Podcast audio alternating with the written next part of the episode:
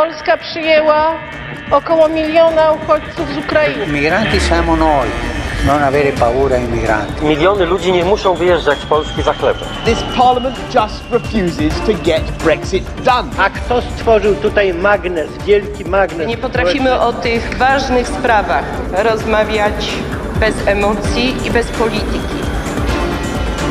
Migrostacja. Nie tylko naukowe rozmowy o migracjach. Jak rozróżnić, kto jest migrantem, a kto uchodźcą? Czym polscy migranci różnią się od migrujących z innych krajów? Czym migrujący obecnie różnią się od tych sprzed kilkunastu i kilkudziesięciu lat? O tym wszystkim i o wielu innych kwestiach porozmawiamy dziś w pierwszym odcinku podcastu Ośrodka Badań nad Migracjami Uniwersytetu Warszawskiego. Ja nazywam się Dominika Pszczółkowska, a moimi gośćmi są profesor Marek Okulski, ekonomista, demograf, założyciel Ośrodka Badań nad Migracjami i przez ponad dwie dekady jego dyrektor. Dzień dobry. Dzień dobry. Oraz profesor Dariusz Stola, historyk w Instytucie Studiów Politycznych Polskiej Akademii Nauk, były dyrektor Muzeum Historii Żydów Polskich Polin, a jednocześnie członek zespołu Ośrodka Badań nad Migracjami. Dzień dobry. Będziemy rozmawiać o migracjach, ale pozwolę sobie zacząć od takiego bardziej osobistego pytania. Mianowicie, kiedy po raz pierwszy pomyśleliście, że te migracje są tak fascynujące, że warto e, poświęcić im karierę, albo przynajmniej znaczną część tej kariery? Ja jestem e, tutaj przypadkiem może szczególnym, bo mnie postawiła konieczność wobec e, zainteresowania się migracjami. Jestem przede wszystkim demografem i zajmowałem się demografią, sądząc, że migracje są drugorzędną e, kwestią w tym obszarze zainteresowań, ale gdy nadeszła transformacja, któregoś razu otrzymałem takie zlecenie, polecenie, prośbę nie do odmówienia od moich przyjaciół y, z, z jednego z uniwersytetów e, francuskich, że koniecznie muszę na potrzeby Rady Europy przygotować raport o migracjach właśnie i to migracjach zagranicznych, którymi wtedy y, właściwie nikt się nie zajmował, nie tylko w Polsce, ale w całym tak zwanym obozie postkomunistycznym. I w dodatku ten raport miał dotyczyć aktualnych i przewidywanych migracji na tym obszarze. Tak jak powiedziałem, nie mogłem się uchylić przed tym zadaniem i spędziłem nad tym cały, cały swój urlop, całe wakacje, około dwumiesięczne. I od razu e, zostałem tym pochłonięty, zafascynowany. Przede wszystkim była to praca detektywistyczna. Y, ilość pojęć różnych, e, mówiących właśnie o tym samym, ilość źródeł danych, e, najczęściej niekompletnych, mało wiarygodnych. I z tego trzeba było ułożyć coś, co by przekazywało rzeczywisty obraz e, migracji zagranicznych, a głównie emigracji, bo wtedy nie było mowy o, w tym regionie o, o, o czymkolwiek innym jak odpływ ludności za granicę. E, także od tego się zaczęło. Ja wielokrotnie miałem takie poczucie, że to jest fascynujący temat e, w swoim życiu, nie tylko zawodowym, zresztą pewne osobiste doświadczenia z migracji jako nielegalny pracownik Y, na terytorium Stanów Zjednoczonych Ameryki. Chyba mogło ujawnić się, przedawniło, zdaje się, to moje wykroczenie. Natomiast jest taki moment, kiedy już przygotowywałem się do pisania pracy magisterskiej, czyli to był koniec lat 80. z historii. Profesor Marcin Kula mi podsunął taki temat, na którym sam długi czas myślał o migracji jako formie buntu dokładnie emigracji jako formie buntu, bo jeszcze słowo migracji nie było stosowane do migracji międzynarodowych wówczas. To jest ciekawy temat, jak zaczęło być stosowane. I ja kiedy już siedziałem trochę w archiwum, myślałem o tym, ale podczas wakacji byłem na Roztoczu w Polsce Wschodniej. I przypadkiem trafiłem na granicę wówczas polsko-radziecką i zobaczyłem trzymetrowy płot z drutu kolczastego, wieżyczki strażnicze i taką wielką bramę, która wygląda jak brama do obozu koncentracyjnego. I uświadomiłem sobie, że oto graniczymy z imperium, jednym z najpotężniejszych państw na świecie, na pewno najpotężniejszej armii na świecie wówczas, które jest ogrodzone takim właśnie płotem, że jego mieszkańcy nie uciekli. Że to jest bardzo ważne, że cała historia to jest historia ludzi i oni muszą być w jakimś miejscu. I że rządy podejmują gigantyczny wysiłek, żeby powstrzymać albo przed odpływem w wypadku Związku Radzieckiego, albo przed nadpływem, jak to widzimy dzisiaj, jak oglądamy sceny z podobnymi płotami na różnych granicach. A mogę tutaj się wtrącić z takim obrazkiem z mojego dzieciństwa. Byłem na koloniach letnich w Pobierowie, tam gdzie dzisiaj buduje się jakiś monstrualny hotel. Dzikie plaże, cudowne. I y, rano nas gnano na taki e, apel gdzieś o siódmej rano jeszcze przed śniadaniem. Wszyscy chętnie się zanurzali w tym morzu, ale co, to, cośmy widzieli niejednokrotnie, to brona ciągniona przez takiego konika, szkapę, po, po, poganiana biczykiem przez żołnierza z Wojsk Ochrony Pogranicza. Otóż cała plaża była bronowana yy, po to, żeby ujawnić ślady tych, którzy zamierzali ewentualnie udać się nielegalnie do Szwecji przez Bałtyk. Tak, no to zupełnie inne czasy, do których wrócimy, ale chciałam zapytać o samo to słowo. Profesor Stola powiedział, że nie było słowa migracji. Jak to nie było? To co w takim razie było? Nie, słowo migracja było, ale nie było stosowane do migracji międzynarodowych. Ono istniało, to łacińskie słowo w języku polskim, ja kiedyś, jak pisałem artykuł o migracjach przymusowych w Europie Środkowej, to zacząłem liczyć, ile jest polskich słów na różne formy migracji przymusowych. I wyliczyłem, nam 12 albo 14. Dodam parę przykładów. Oczywiście jest uchodźca, wygnaniec, deportowany, y, zesłaniec, Egzul jest takie archaiczne już słowo łacińskie, które w polszczyźnie było używane i jeszcze wiele innych dotyczących migracji nieprzymusowych. Mamy słowo wychodźca, bardzo ładny odpowiednik emigranta w języku polskim. Więc y, y, bogate słownictwo oddaje bogactwo doświadczeń społecznych. Ludzie wymyślają i używają słowa, dlatego że im jest to do czegoś potrzebne. I to uzmysłowiło mi, jak ważne były migracje w tym wypadku migracji przymusowej w historii Polski. Pytałem się potem kolegów z innych języków, na węgierskiego czy niemieckiego, jak to wygląda. To trzeba być chowany w tym języku, żeby, żeby znać to bogactwo słów. I okazało się, że polski jest szczególnie bogaty pod tym względem. Natomiast to samo słowo migracje, jakby ono było używane, tu profesor Okolski wie najlepiej, do migracji wewnętrznych, natomiast taki pomysł, żeby stosować je do migracji międzynarodowych, wydaje mi się, pochodzi z OPM-u i z badań tych początkowych w połowie lat 90., żeby oddać jakoś taki stan, że ktoś owszem wyjeżdża za granicę, ale nie można go nazwać emigrantem, bo ani nie ma intencji pozostania za granicą i przybywa stosunkowo krótko, a nawet bardzo krótko.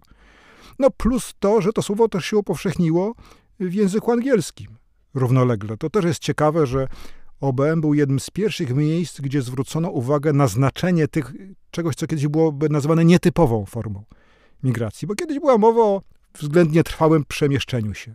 A teraz widzimy, że można być przez wiele lat migrantem, nie przemieszczając się trwale to, o czym mówi profesor Stola, to jest troszkę związane z takim, taką spuścizną PRL-owską, kiedy, kiedy migracje międzynarodowe, migracje zagraniczne były traktowane jako e, coś wstydliwego, właściwie e, nieistniejącego. Nawet można się spotkać w dziełach uczonych radzieckich z tamtego okresu z, z takim e, twierdzeniem, że w ustroju socjalistycznym, który jest jest swego rodzaju lepszą formą bytowania. Migracje są wręcz niepotrzebne. Ludzie nie, nie muszą nigdzie wyjeżdżać. Znów jest tutaj przekonanie, że, że ewentualnie e, migracje sprowadzają się do wyjazdów gdzieś, gdzie jest lepsze życie. Lepsze życie jest tu, więc nie ma potrzeby. W związku z tym na przykład badań nad migracjami w sensie migracji zagranicznych w ogóle praktycznie nie było. Jedyne badania, jakie prowadzono i to w szczątkowym zakresie, to były badania nad y, ruchami e, repatriacyjnymi, ewentualnie nad Polonią, e, która osiadła za granicą dawno, dawno temu. Ale to był pewien plus badań migracyjnych w PRL-u, że w przeciwieństwie do innych krajów komunistycznych tutaj się uchowały, a nawet były popierane badania właśnie nad Polonią, nad diasporą polską było takie przekonanie, że zwłaszcza ta stara emigracja, wówczas stara oznaczała sprzed II wojny światowej, potem mamy kilka nowych i starych emigracji, bo ta nowa y, powojenna i wojenna była zła, bo to byli przeciwnicy rządów komunistycznych przeważnie, ale stara była dobra, bo to był lud polski, y, chłopi, robotnicy, którzy wyjechali za chlebem, bo wtedy y, system kapitalistyczny zmuszał ich do emigracji. Właśnie nie była zapewniona praca każdemu człowiekowi, więc były legalnie działające ośrodki migracji, było czasopismo Studia Polonijne i dzięki temu był punkt startu zupełnie inny niż w większości krajów komunistycznych. Do tej kwestii y, tego, jak możemy się dowiedzieć o y, migracjach z czasów y, komunistycznych, jeszcze wrócę, ale chciałabym jeszcze doprecyzować pewne pojęcia. Czyli dzisiaj, kiedy mówimy migrant, migrantka, to kogo mamy na myśli? Jak daleko jak, i na jak długo trzeba wyjechać, żeby być określanym migrantem? A właśnie tutaj y, dochodzimy do tego, o czym mówił profesor Stale, tej wieloznaczności. I zacznę od tego, że y, w 1990 roku, gdy y, zaczęto otwierać granice zarówno państw postkomunistycznych, jak i niektórych krajów zachodnich dla ruchów między wschodem i zachodem, Y, pojawiła się taka, takie przekonanie i jeden z y, notabli zajmujących się problematyką przekroczeń granicy w Polsce, on był wówczas szefem urzędu dzisiejszego, dzisiaj nazywanego Urzędem do Spraw Cudzoziemców, nie pamiętam w tej chwili jak się, jak się ta instytucja wtedy nazywała, dawny pułkownik Wojsk Ochrony Pogranicza, y, ogłosił w wywiadzie dla mediów zachodnich, że Polska się spodziewa przekraczania granicy granicy i wschodniej, a później z udawaniem się na zachód, dwóch milionów bosonogich e, migrantów ze wschodu. No to określenie dwa miliony bosonogich, przypuszczam, że chodziło o pieszych migrantów ze wschodu, zrobiło karierę na zachodzie. Było wielokrotnie podkreślane, co nas czeka i w tym celu nawet z, zorganizowano w 1991 roku konferencję y, ministrów spraw wewnętrznych wszystkich krajów europejskich, którzy się mieli zastanawiać, jak zapobiec temu kataklizmowi. A więc y, migracja była rozumiana wtedy jako jakiekolwiek przekroczenie granicy. A z drugiej strony migracja jest pojęciem administracyjnym, używanym e, przez wszystkie państwa, chociażby do bilansowania stanu populacji do tego, żeby wiedzieć, ilu mamy mieszkańców. I powstaje problem, czy mieszkańcem jest ten, kto wyjechał za granicę, ale za kilka miesięcy wraca, e, czy też e, ktoś, kto ma dom, wyjechał, ale, ale właściwie nikomu nie zgłosił tego, że wyjechał, a czy migrantem jest ten, kto przyjechał i też przebywa e, trochę, krótki czas, albo na przykład przebywa i nie, za, nie zarejestrował swojego pobytu.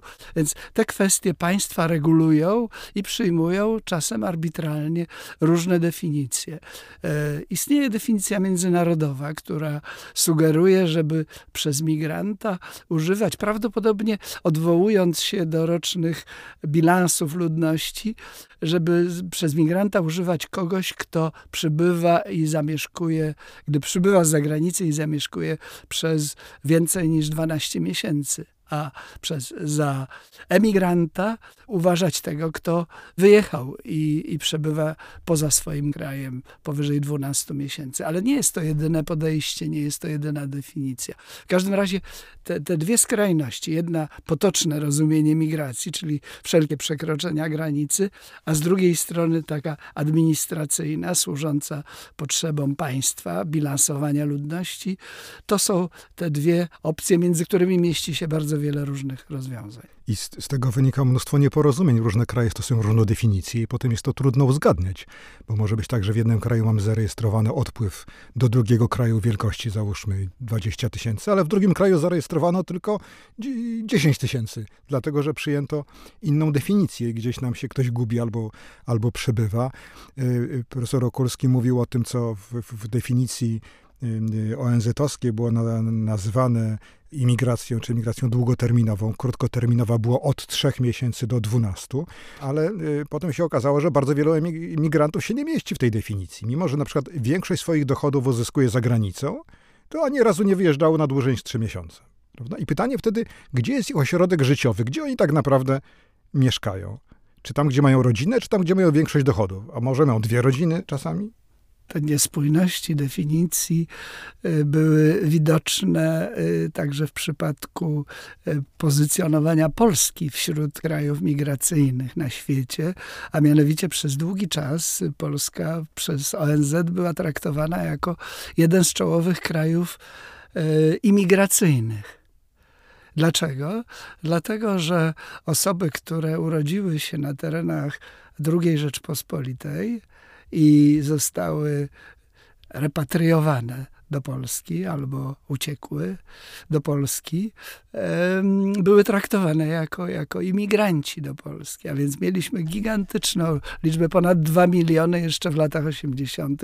imigrantów i uchodziliśmy za jeden z czołowych krajów imigracyjnych na świecie w sytuacji, w której imigracja do Polski właściwie nie występowała. Tak, to był skutek przyjmowania, że ktoś jest foreign born, urodzony w obcym kraju. No był urodzony w Lwowie ZSRR. Tak jest. Prawda? Są też tacy ludzie, którzy mieszkają w jednym mieście i w tym czasie byli poddanymi czy obywatelami czterech różnych krajów. Właśnie mieszkańcy tego Lwowa mieli taki przypadek, że w ciągu jednego życia mogli być y, obywatelami bardzo różnych krajów. Y, skutki przesunięcia granic, one wygasały bardzo stopniowo, jak to mówił profesor Okulski, jeszcze przez wiele lat żyli ci ludzie urodzoni w Lwów ZSRR, bo tak w polskich dowodach osobistych wpisywano. Widziałem to wielokrotnie, no nie można było napisać. Pytanie było, jak to się urodził w Stanisławowie, który potem się nazywał Iwano-Frankowsk, to gdzie on się urodził, prawda, czy w mieście, które nazywało się inaczej. Więc tu są, jest bardzo wiele Y, komplikacji historycznych. I ja bym powiedział tak, odpowiedź na pytanie, kto jest migrantem, emigrantem, imigrantem, zależy od tego, w jakim celu pytamy. Czego się chcemy dowiedzieć? Czy chcemy się dowiedzieć, jakie są skutki demograficzne? Czy chcemy się dowiedzieć, jakie są skutki dla rynku pracy? Czy chcemy się dowiedzieć na przykład, jak to wpłynie na wiem, popyt na rynku mieszkaniowym? Możemy, zależnie od naszych zainteresowań, możemy to różnie definiować.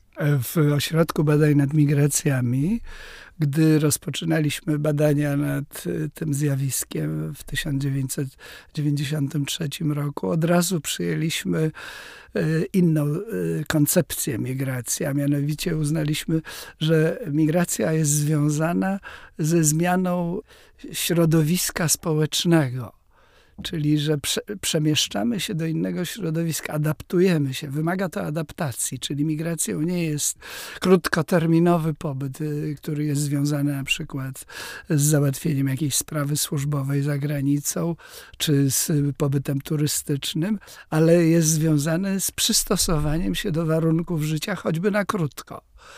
I z tego wychodząc, dopiero wyróżnialiśmy różne rodzaje migracji, w tym także migracje osiedleńcze.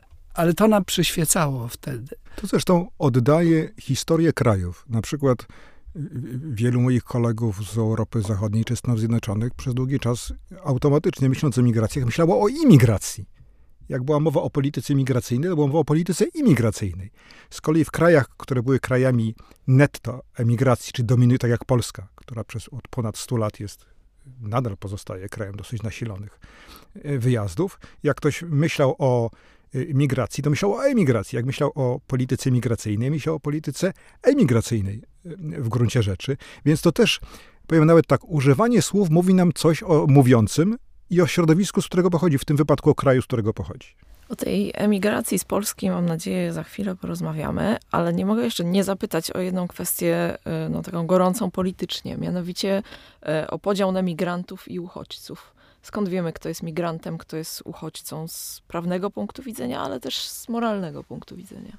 Po wyglądzie osoby nie można ocenić, czy jest migrantem, uchodźcą. Oczywiście uchodźca to jest pewna podgrupa szerszego zbioru migrantów, prawda? I wyróżniamy go, biorąc pod uwagę definicję konwencji ONZ o uchodźstwie, przez to, że taka osoba ma uzasadniony lęk przed prześladowaniami. I to podkreślam, uzasadniony lęk, tak? bo ktoś może się bać bez powodu. Więc w związku z tym rozróżnienie pomiędzy kimś, kto się kwalifikuje i w związku z tym przysługują mu pewne uprawnienia, bo to o to chodzi. Czy ktoś ma na przykład jest chroniony przed deportacją do kraju pochodzenia. Ta fundamentalna zasada non-refoulement, która istniała dużo wcześniej, przed wprowadzeniem konwencji y, y, dotyczącej y, uchodźstwa, czyli zasada, żeby nie wysłać ludzi tam, gdzie mogą być prześladowani, do kraju pochodzenia, w którym mogą być prześladowani. E, w gruncie rzeczy możemy ich zróżnić na podstawie tego, co ta osoba mówi, albo jeśli mamy dokumenty dotyczące jego życia. Czy on był poddany jakimś prześladowaniom, albo czy grupa, do której należy, jest poddana prześladowaniom, czy jemu może grozić jakieś prześladowanie. I co jest trudne, w związku z tym sprawy ustalania, czy ktoś się kwalifikuje, czy można go uznać za uchodźcę, w wielu krajach trwały bardzo długo, może być absurdalnie długo, tak, bo ci ludzie w tym czasie musieli żyć. I problem pozostaje do dziś. Jest to skomplikowana kwestia prawna dlatego że do niedawna y, takim głównym kryterium wyróżniania uchodźcy była wspomniana przez profesora Stole konwencja, która została uchwalona w 1951 roku, która definiowała dokładnie, kto może być uznany za uchodźcę. I ta konwencja zawierała ogromne luki z perspektywy dzisiejszej. Ona na przykład nie brała pod uwagę y, zbrojnych konfliktów wewnętrznych, ani na przykład y, katastrof ekologicznych. Y, czyli ludzie, którzy byli zagrożeni, którzy, którzy byli zagrożeni ze względu na jakieś przesłanki natury ogólniejszej, a nie ze względu na to, że osobiście mogli być prześladowani lub już nawet byli prześladowani, nie byli objęci konwencją genewską i wiele, w wielu przypadkach ci ludzie nie, korzyst, nie mogli korzystać ze statusu uchodźcy. Dopiero stosunkowo niedawno organizacje międzynarodowe, przede wszystkim Unii Europejskiej, wprowadzono dodatkową kategorię tak zwanej pomocniczej ochrony czyli oprócz y, statusu uchodźcy można uzyskać ochronę pomocniczą w, w sytuacjach uzasadnionej obawy o bezpieczeństwo osoby, która się przemieszcza, w sytuacji, która nie jest y, ujęta przez y, przesłanki konwencji genewskiej dotyczącej uchodźców.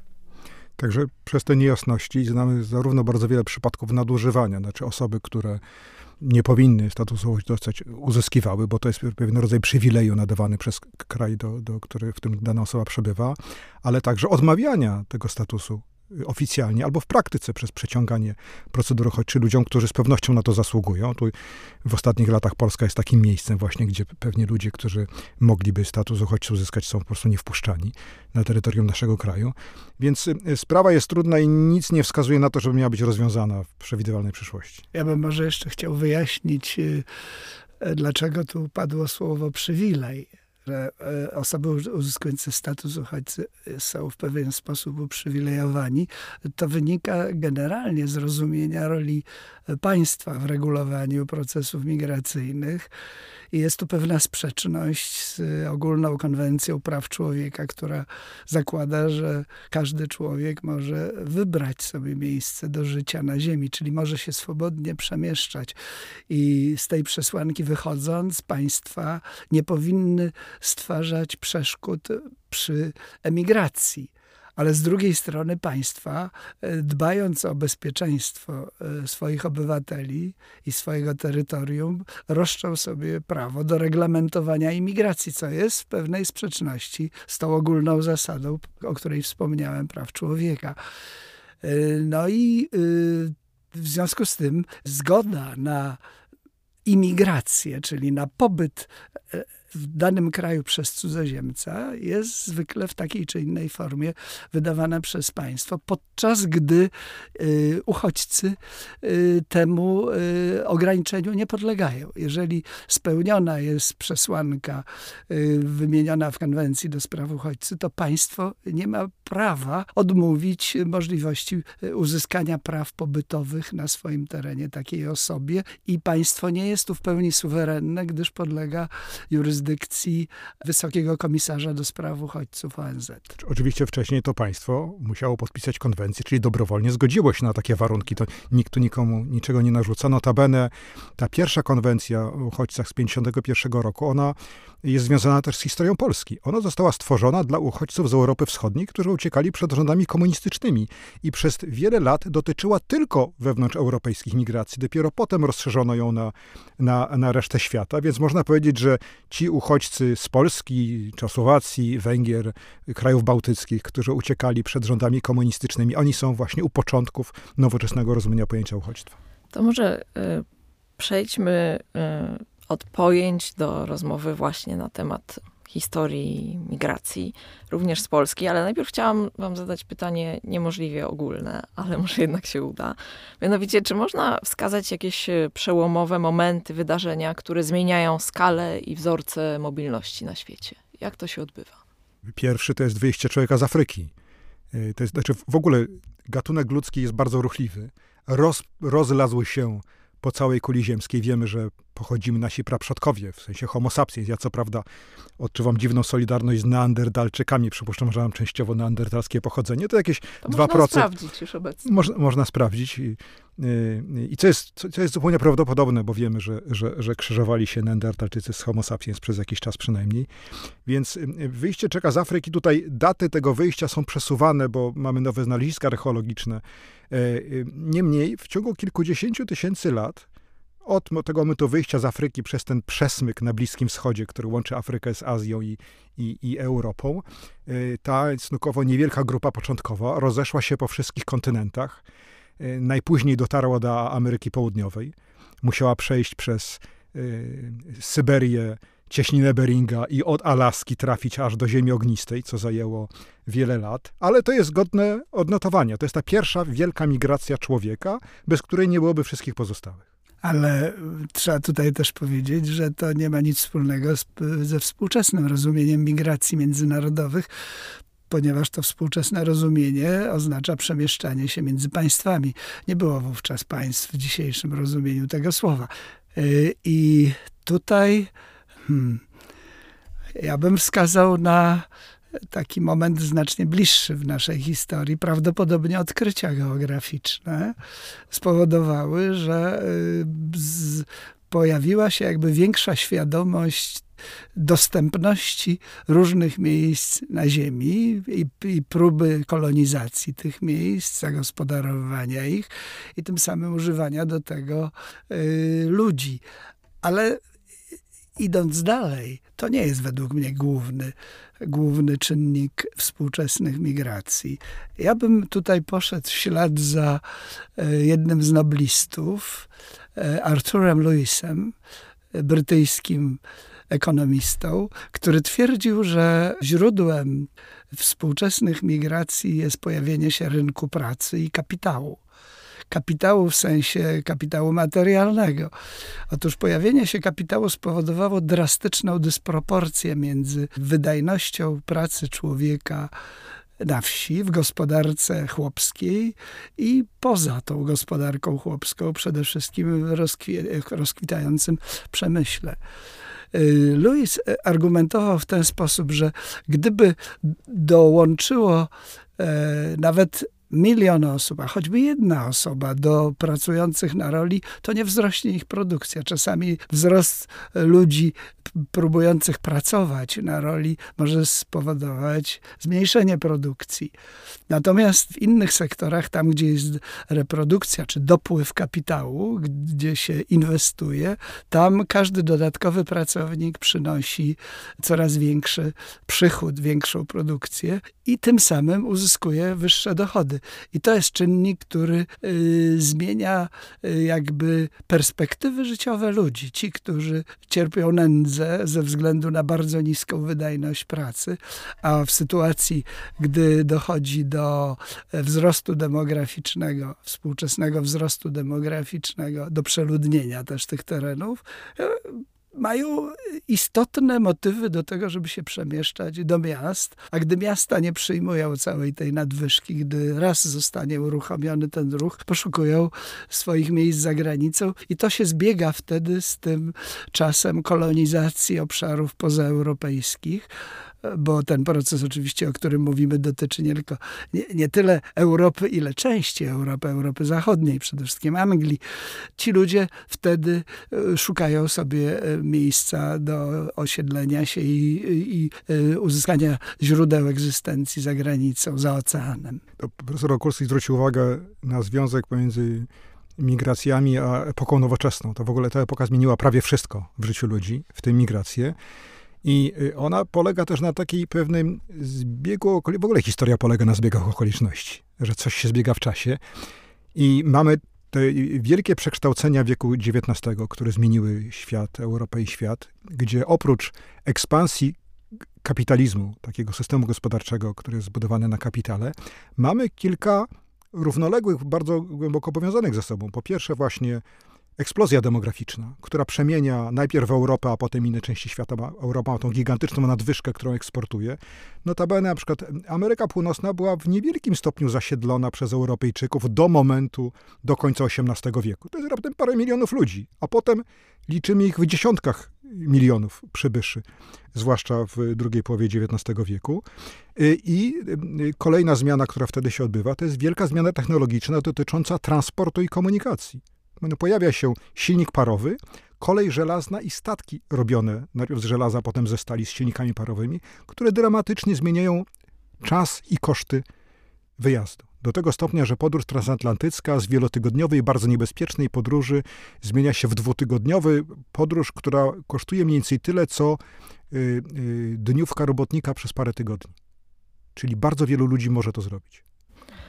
Przybliżając się do czasów współczesnych i nam bliskich, to chyba ten, ten kapitalizm jest też takim głównym czynnikiem y, determinującym migrację Polaków. Czy można tak powiedzieć? Zmienia świat. I to obserwujemy od lat 30, dlatego że mieszkamy w kraju, który był poddany niezwykłemu eksperymentowi. No, może nie tak niezwykłemu, bo znaczna część świata została poddana temu eksperymentowi.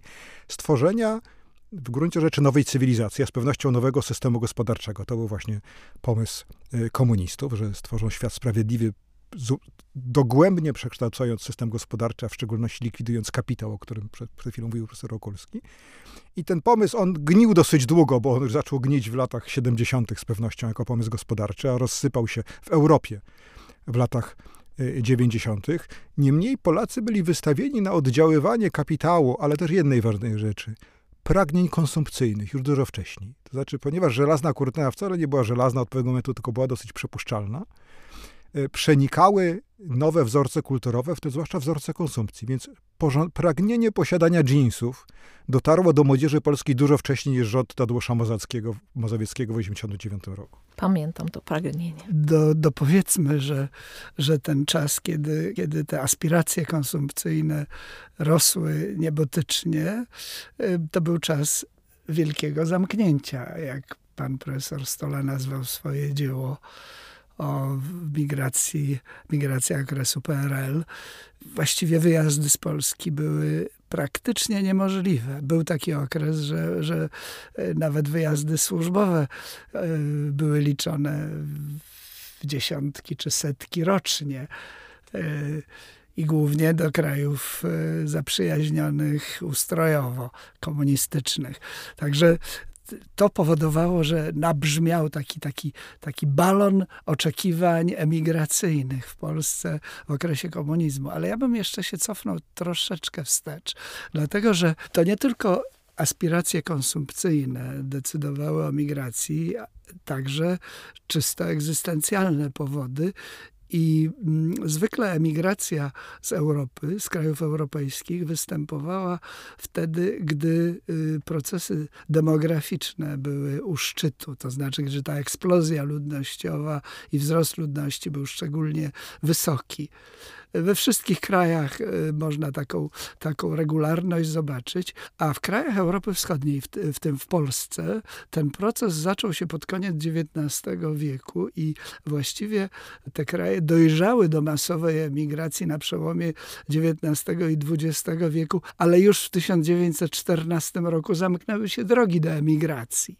I od tego czasu zaczął rosnąć taki niezas, niezaspokojony potencjał emigracyjny w tym regionie, a zwłaszcza w krajach, które miały większy potencjał ludnościowy niż inne, czyli między innymi w Polsce.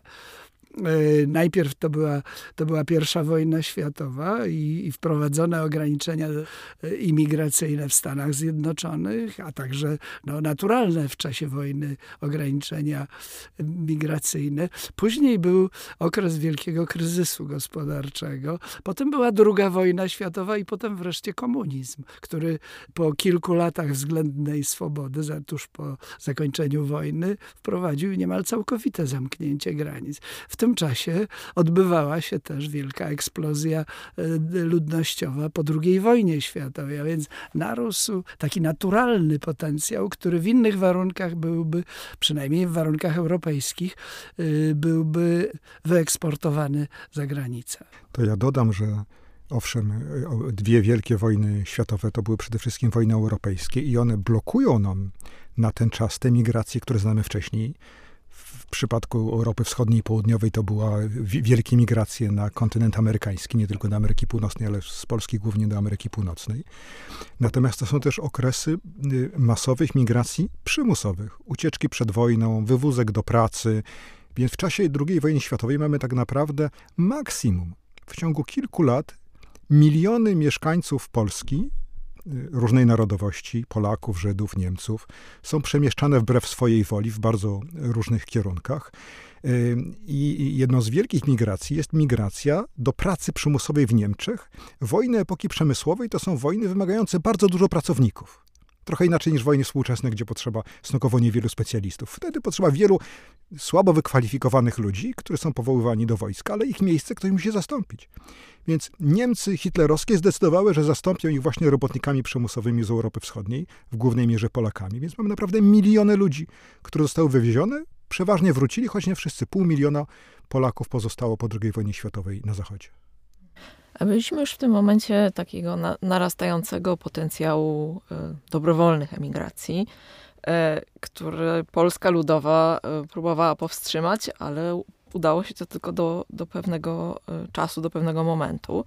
Obiecałam słuchaczom, że porozmawiamy o tym, w jaki sposób dowiadujemy się o migracjach. I chciałabym zapytać, jeśli chodzi o te czasy Polski Ludowej, to z jakich źródeł dowiadujemy się o emigracji? No bo chyba nie ze statystyk PRL-u. Nie, no, ZUS prowadził takie statystyki przynajmniej od 56 roku, bo wcześniej tam były pewne luki, ale profesor Okulski to odpływ był minimalny. Nie pamiętam, w 52 albo 3 roku było więcej ministrów w, w rządzie niż emigrantów wypuszczonych z Polski. Zdaje się 52 tylko, a wtedy było bardzo wiele ministerstw.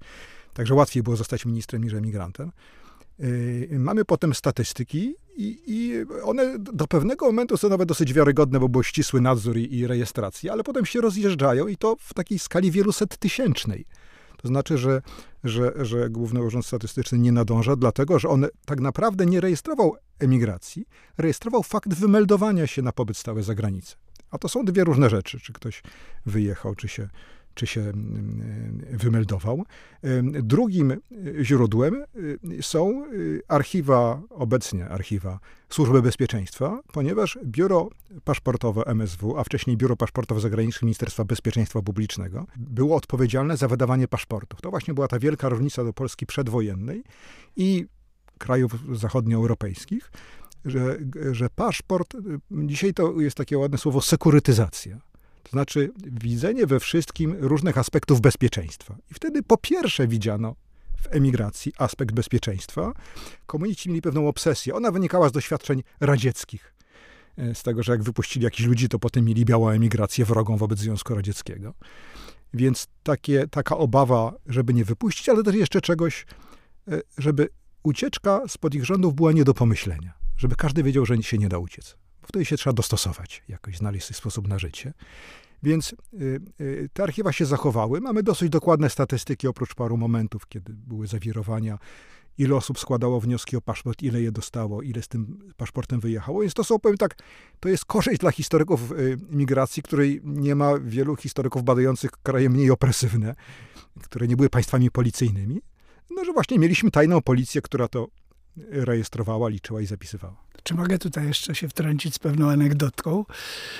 E, a mianowicie kiedyś było to pod koniec lat 80. E, brałem udział e, w posiedzeniu Rządowej Komisji Ludnościowej. To dzisiaj istnieje Rządowa Rada Ludnościowa, jest, która jest kontynuatorem działalności tej komisji.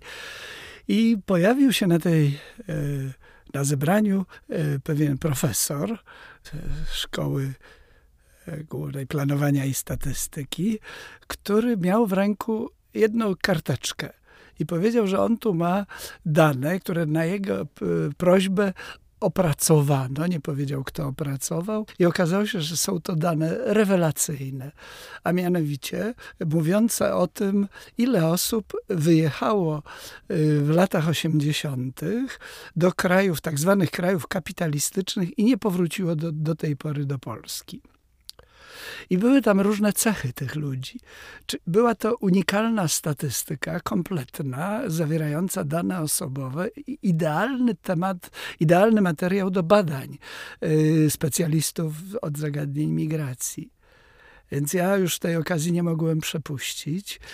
I zapytałem go, skąd on to ma. I on z wielkim trudem przyznał się, że ma znajomych y, w Ministerstwie Spraw Wewnętrznych, w którym istnieje specjalny system. On się nazywał SERP system ewidencji ruchu paszportowego. Jeden z pierwszych i najlepiej zorganizowany informatyczny system PRL-owski, w którym, do którego trafiały po przekroczeniu granicy karty przekroczenia granicy. Otóż, żeby wyjechać z Polski wówczas, e, to nie tylko trzeba było się ubiegać o paszport, można było mieć paszport, a i tak można było nie wyjechać. Trzeba było mieć jeszcze kartę przekroczenia granicy, na której było powiedziane, dokąd można pojechać i na jak długo, i ewentualnie jakim tranzytem się udawać do tych krajów. Taką samą kartę trzeba było zwrócić przy powrocie i nie można było wjechać do Polski, jeśli się tej karty na granicy yy, strażnikowi Straży Granicznej nie przekazało. To wszystko wędrowało później do tego systemu informatycznego i tak powstawały unikalne dane, sprzężone zresztą z PESEL-em, gdzie można się było dowiedzieć wszystkiego o tych ludziach, którzy wyjechali, wrócili i nie wrócili. Na jak długo wyjechali, kim byli, do jakich krajów jeździli i tak dalej. To stanowiło jeden z podstawowych materiałów do weryfikacji danych zarówno spisów powszechnych, jak i danych statystyki bieżącej. To ja tylko dodam, że ten system rzeczywiście to dosyć było niezwykłe. Właśnie połączenie państwa policyjnego i wczesnej komputeryzacji. Tutaj się zbiegło. Yy, on miał pewien słaby punkt i z tego powodu się załamał w 88 roku, 89 już w gruncie rzeczy nie działał. Mianowicie ktoś dane z tych karteczek, bo te karty przekroczenia granicy były takie zielone karteczki w dwóch częściach, musiał wprowadzać. I znalazłem taki raport, że gdzieś tam zalegają jakieś tony tych karteczek, których oni nie nadążali z wprowadzaniem, po prostu się posypało. Nie było. Liberalizacja polityki paszportowej w końcu lat 80. sprawiło, że bardzo wielu Polaków zaczęło wyjeżdżać i system nie był dostosowany do przetwarzania takiej ilości danych, zwłaszcza tego styku pomiędzy człowiekiem a maszyną. Tak maszyna dalej może sobie obracać danymi, ale ktoś się musi wprowadzić i tam siedziały jakieś biedne pracownice MSW, które to wklepywały po prostu ręcznie przez klawiaturę i, i ten, ten pokój wypełniony kartami przekroczenia granicy jest dla mnie taki symbol załamania się systemu kontroli wyjazdów z PRL-u. A jeszcze można tu dodać, że w okresie schyłku e, komunizmu w Polsce e, pomocną rękę do nas e, w pewnym sensie wyciągnęli Niemcy, ponieważ większość e, emigrantów z Polski to były osoby, które były przy, przyjmowane w Niemczech jako w różnych kategoriach. Niektórzy byli traktowani jako późni wysiedleńcy, jest taka kategoria w konstytucji niemieckiej, ale także oferowano im pobyt tolerowany i to było wszystko bardzo dokładnie rejestrowane z pedanterią niemiecką. Także y, no, to pozwoliło ocenić też liczby wyjeżdżających z Polski, bo rzeczywiście wtedy zdecydowana większość ludzi opuszczających Polskę udawała się do Niemiec. Czyli my, badacze migracji, jesteśmy wdzięczni komunistycznym władzom za te wszystkie e, dokumenty, które po sobie pozostawili. A potem e, nastąpił rok 89, wielkie ruchy w wiele stron. I skąd e, mogliśmy o nich wiedzieć i w jaki sposób mogliśmy je badać? O tej wdzięczności, ja protestuję z tą wdzięcznością. Chcę powiedzieć tak, że y, znów mam tutaj pewne, pewne osobiste doświadczenie, bo gdy y, udało się zidentyfikować ten system SERP, o którym mówiłem, to natychmiast y, jedna z moich doktorantek wystąpiła o zgodę na udostępnienie tego systemu i za pomocą różnych bardzo wysoko postawionych osób udało się uzyskać dostęp do, do taśm magnetycznych z zapisem tych wszystkich danych. Ja od razu też poinformowałem swoich kolegów w innych krajach Europy Wschodniej o takiej możliwości i okazało się, że ten system istniał wszędzie, ale wszędzie już był zniszczony. To znaczy dane były zniszczone i nigdzie poza Polską nie udało się tego odtworzyć. Także ta wdzięczność w cudzysłowie. Nam się udało, innym nie. Ja czytam tak, jako historyk to ja jestem wdzięczny, ale też jestem wdzięczny, że ten system upadł, bo gdyby nie upadł, to one dalej byłyby tajne i niedostępne, więc to musi być połączenie dwóch rzeczy. Państwo policyjne, które się skończyło. Natomiast jako ktoś, komu odmówiono paszportu w pewnym momencie, to mam dosyć mieszane uczucia w sprawie działania tego systemu. No dobrze, a po 89 roku, jak się ponownie y, zaczęły badania migracyjne? Y, co można było badać i w jaki sposób? Po pierwsze było zamieszanie. Tak wiele się zmieniało, że że na początku y, to nie był jakiś priorytet. I powiem tak, ja poniekąd jestem wdzięczny tym, y, tym głosom panikarskim, że tu miliony bosonogich uchodźców ze Związku Radzieckiego będą maszerowały na zachód, bo dzięki temu się pojawiło zainteresowanie polityczne migracjami z Europy Wschodniej. Ono, powiem tak, ono nie było tak do końca nieuzasadnione, dlatego że mamy równocześnie wojnę w Jugosławii, która jest źródłem naprawdę masowego uchodźstwa, ucieczek przed wojną y, wewnątrz Europy. I y, dzięki Bogu nic takiego się nie powtórzyło na obszarze dawnego Związku Radzieckiego, a mogło się powtórzyć. Znaczy potencjał y, wojny domowej, wojen etnicznych był bardzo duży miejscami do nich, w ogóle do tych konfliktów doszło. Wiemy teraz z perspektywy, że owszem, były wielkie migracje, ale wewnątrz przestrzeni posowieckiej głównie etnicznych Rosjan, do y, Federacji Rosyjskiej z różnych krajów y, y, dawnego Związku Radzieckiego. Więc to, to polityczne zainteresowanie no, było przesadne. Ja pamiętam Lecha Wałęsę, który też straszył chcąc uzyskać jakieś koncesje, tak w sensie ustabilizujcie nas, bo inaczej jak, my, jak to się wszystko zawali w Europie Wschodniej, to wy odczujecie tego skutki. I to było przesadne, ale nie tak zupełnie brane z powietrza, biorąc pod uwagę przykład jugosłowiański. Natomiast potem ponieważ ten system policyjny, o którym żeśmy mówili przed chwilą, on upadł, no to też badanie migracji stało się trudniejsze, no bo Polacy mogli, każdy miał w domu paszport, każdy kto chciał, miał w domu paszport, mógł wjechać i wyjechać i to, co go ograniczało, to były przepisy krajów docelowych, a nie polskich. I tutaj wracamy do tego punktu pierwszego, kto rejestruje co i w jakim kraju.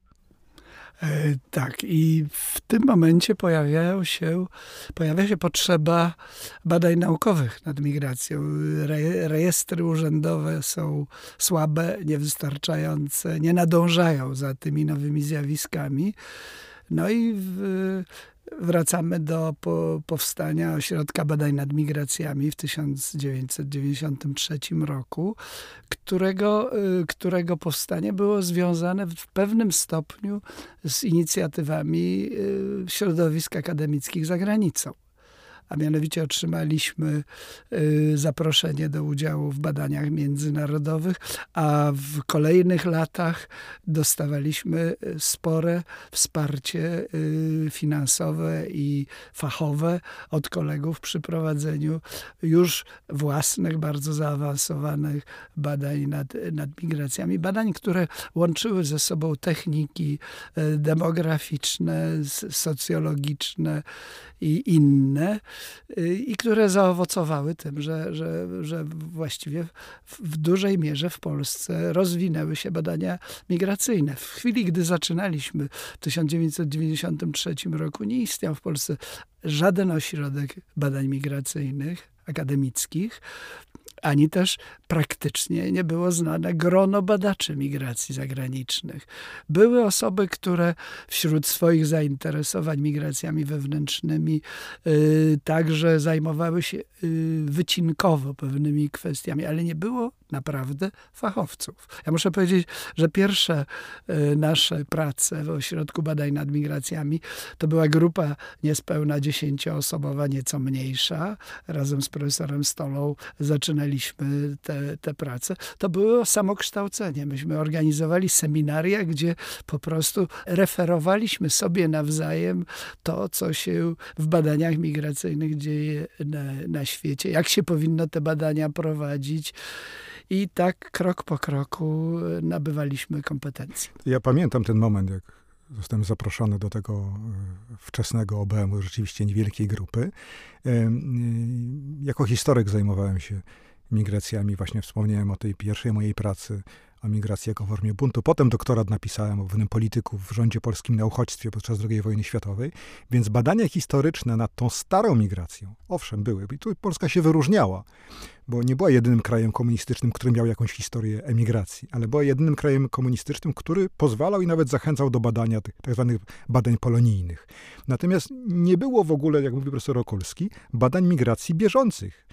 Y, powiem nawet y, takie mm, nieudolne próby analizowania tego wewnątrz MSW. Tak, e, SB chciało coś wiedzieć, co się dzieje, bo partia sobie życzyła, żeby wytłumaczyli, co tu się dzieje, że ci ludzie znikają. No to były, powiedziałbym, dosyć nieudolne. E, to nie były orły intelektualne, powiedziałbym, e, w tym czasie przynajmniej. Więc dzięki temu, że w Polsce stosunkowo wcześnie zaczęły się te badania, możemy przyznać z dumą, że Polska jest najważniejszym ośrodkiem badań współczesnych migracji w całej Europie Środkowo-Wschodniej. I to, to już jest ponad 25 lat.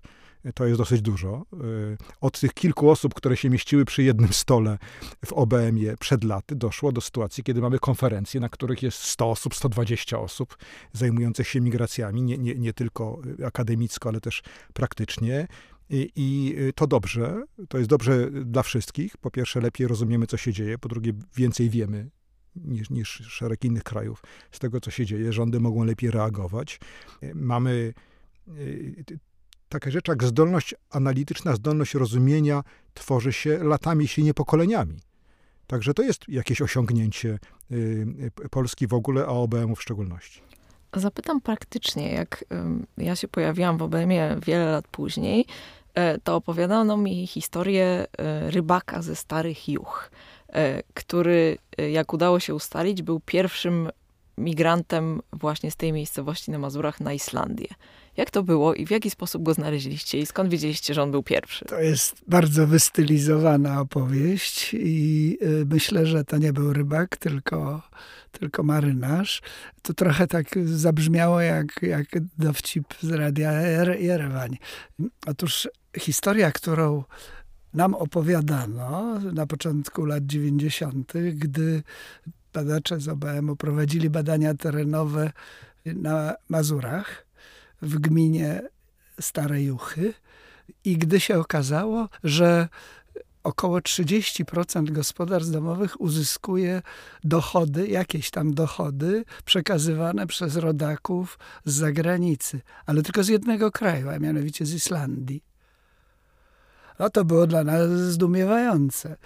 No i y, była to też unikalna szansa, żeby się dowiedzieć, jak powstaje coś, co jest nazywane łańcuchem migracyjnym. Bo zwykle jest tak, że z jakiejś wioski czy z jakiejś okolicy ktoś odważny wyrusza w, w świat a potem on przyciąga innych, pisząc na przykład, jak to pisali y, emigranci polscy, którzy osiedli w Stanach Zjednoczonych, przyjeżdżajcie, tu dolary leżą na ulicach.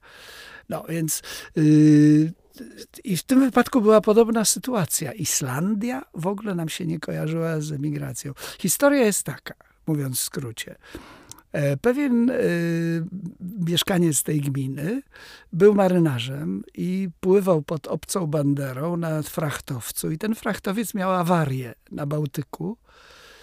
Y, musiał zawinąć w celu remontu. Najbliższa stocznia była w Świnoujściu. I tam kapitan zapowiedział trzytygodniowy postój zwolnił tych marynarzy, część z nich pozostała na statku, a część się rozjechała, jeśli mogła e, gdzieś dotrzeć do swoich rodzin. I ten właśnie mieszkaniec Starych Juch wrócił do, swojej, e, do swojego domostwa, ale razem ze swoim przyjacielem, który był Islandczykiem. Ten przyjaciel poznał jego siostrę w Starych Juchach. I ta siostra po krótkim czasie zawitała w Islandii, gdzie się pobrali do, zawitała w Islandii, tak, tam się pobrali. Siostra przyciągnęła swoją drugą siostrę, która też wyszła za mąż w Islandii i wkrótce okazało się, że w Islandii jest wielki popyt na cieśle. A w Starych Juchach e, było sporo ludzi, którzy posiadali te kwalifikacje.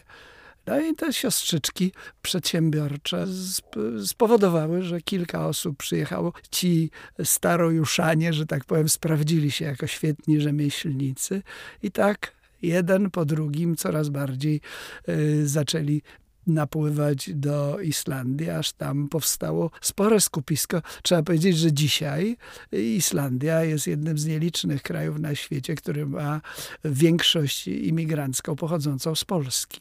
To jest piękna historia, bo ma ten romantyczny początek. Jest na początku miłość, ale ona jest też dla mnie po pierwsze jest ważna z tego powodu, że można obserwować dosłownie w skali 1 do 1, jak powstaje łańcuch migracyjny.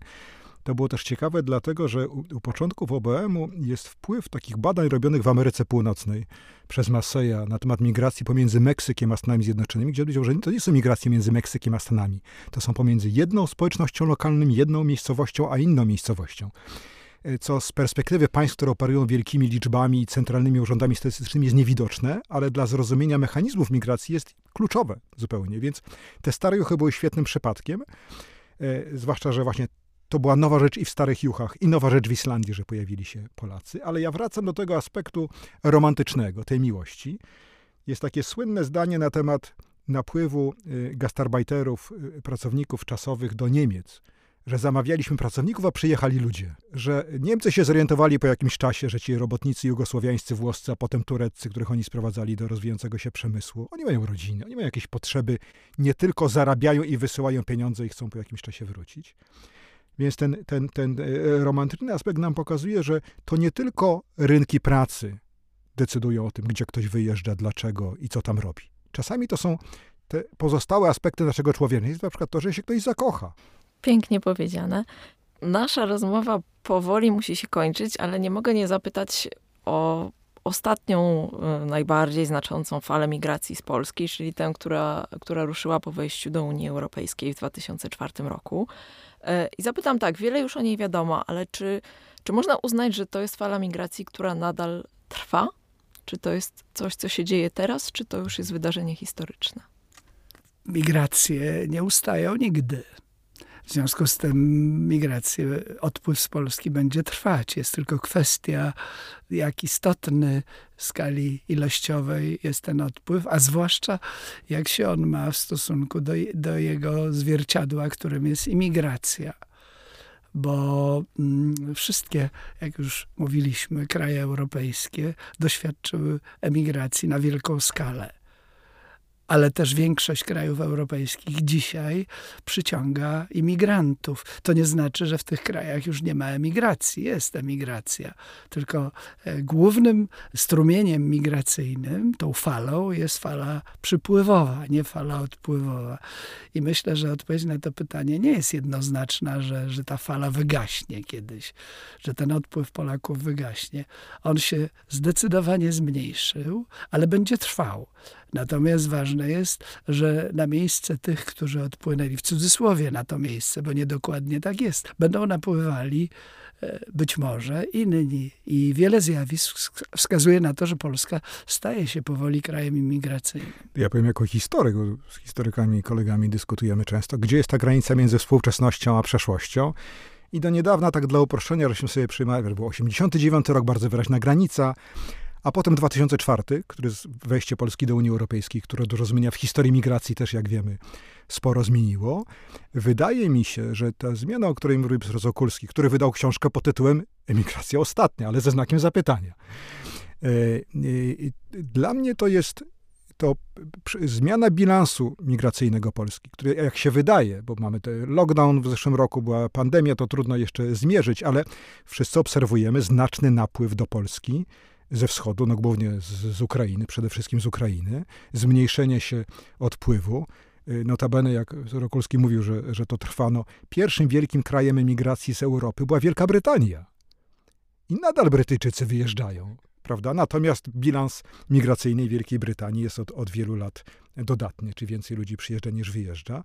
Więc to będzie, jeżeli nie będzie ograniczeń ta, politycznych, tak jak mieliśmy w Polsce komunistycznej, czy takie, jakie są podczas wojny, to, to będzie trwały, to jest coś zupełnie normalnego, zwłaszcza, że świat jest dużo bardziej połączony niż był nie wiem, w XIX wieku. Wtedy się mówi o pierwszej globalizacji, teraz mieliśmy drugą. Tych różnych związków, także rodzinnych, prawda? To nie tylko między Starymi Juchami a Islandią są teraz związki rodzinne. Pomiędzy tysiącami miejscowości w Polsce i tysiącami miejscowości w innych krajach są takie związki.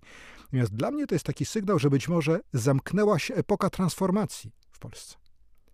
Znaczy, że już jest, i to widać w polityce, Widać to w gospodarce, na przykład faktyczny zanik bezrobocia, czegoś, co było trwałym i dominującym skutkiem społecznym transformacji y, y, społeczno-gospodarczej Polski po 1989 roku. Że mamy teraz no, naprawdę bardzo niewielki, niewielkie bezrobocie, więc być może właśnie zaczniemy mówić o historii, która skończyła się gdzieś w drugiej dekadzie historii transformacji, która skończyła się gdzieś w drugiej dekadzie XXI wieku. Czyli jesteśmy w historycznym momencie. Z drugiej strony nadal będziemy mieli wiele tematów do badań. W takim razie my wracamy do pracy, a Państwa zapraszamy już teraz na kolejne odcinki podcastu Ośrodka Badań nad Migracjami Uniwersytetu Warszawskiego, w których będzie mowa m.in. o politykach migracyjnych i integracyjnych i o polskiej polityce w tym zakresie, o wpływie Brexitu na migrację Polaków, o ukraińskiej migracji do Polski i o wielu innych fascynujących y, kwestiach związanych z polskimi i światowymi migracjami. A dzisiaj moimi gośćmi byli profesor Marek Okulski, ekonomista, demograf i profesor Dariusz Stola, historyk. Dziękuję bardzo za rozmowę. Dziękujemy. Dziękujemy za uwagę. To był podcast Migrostacja, przygotowany przez Zespół Ośrodka Badań nad Migracjami Uniwersytetu Warszawskiego we współpracy z Sounds and Stories.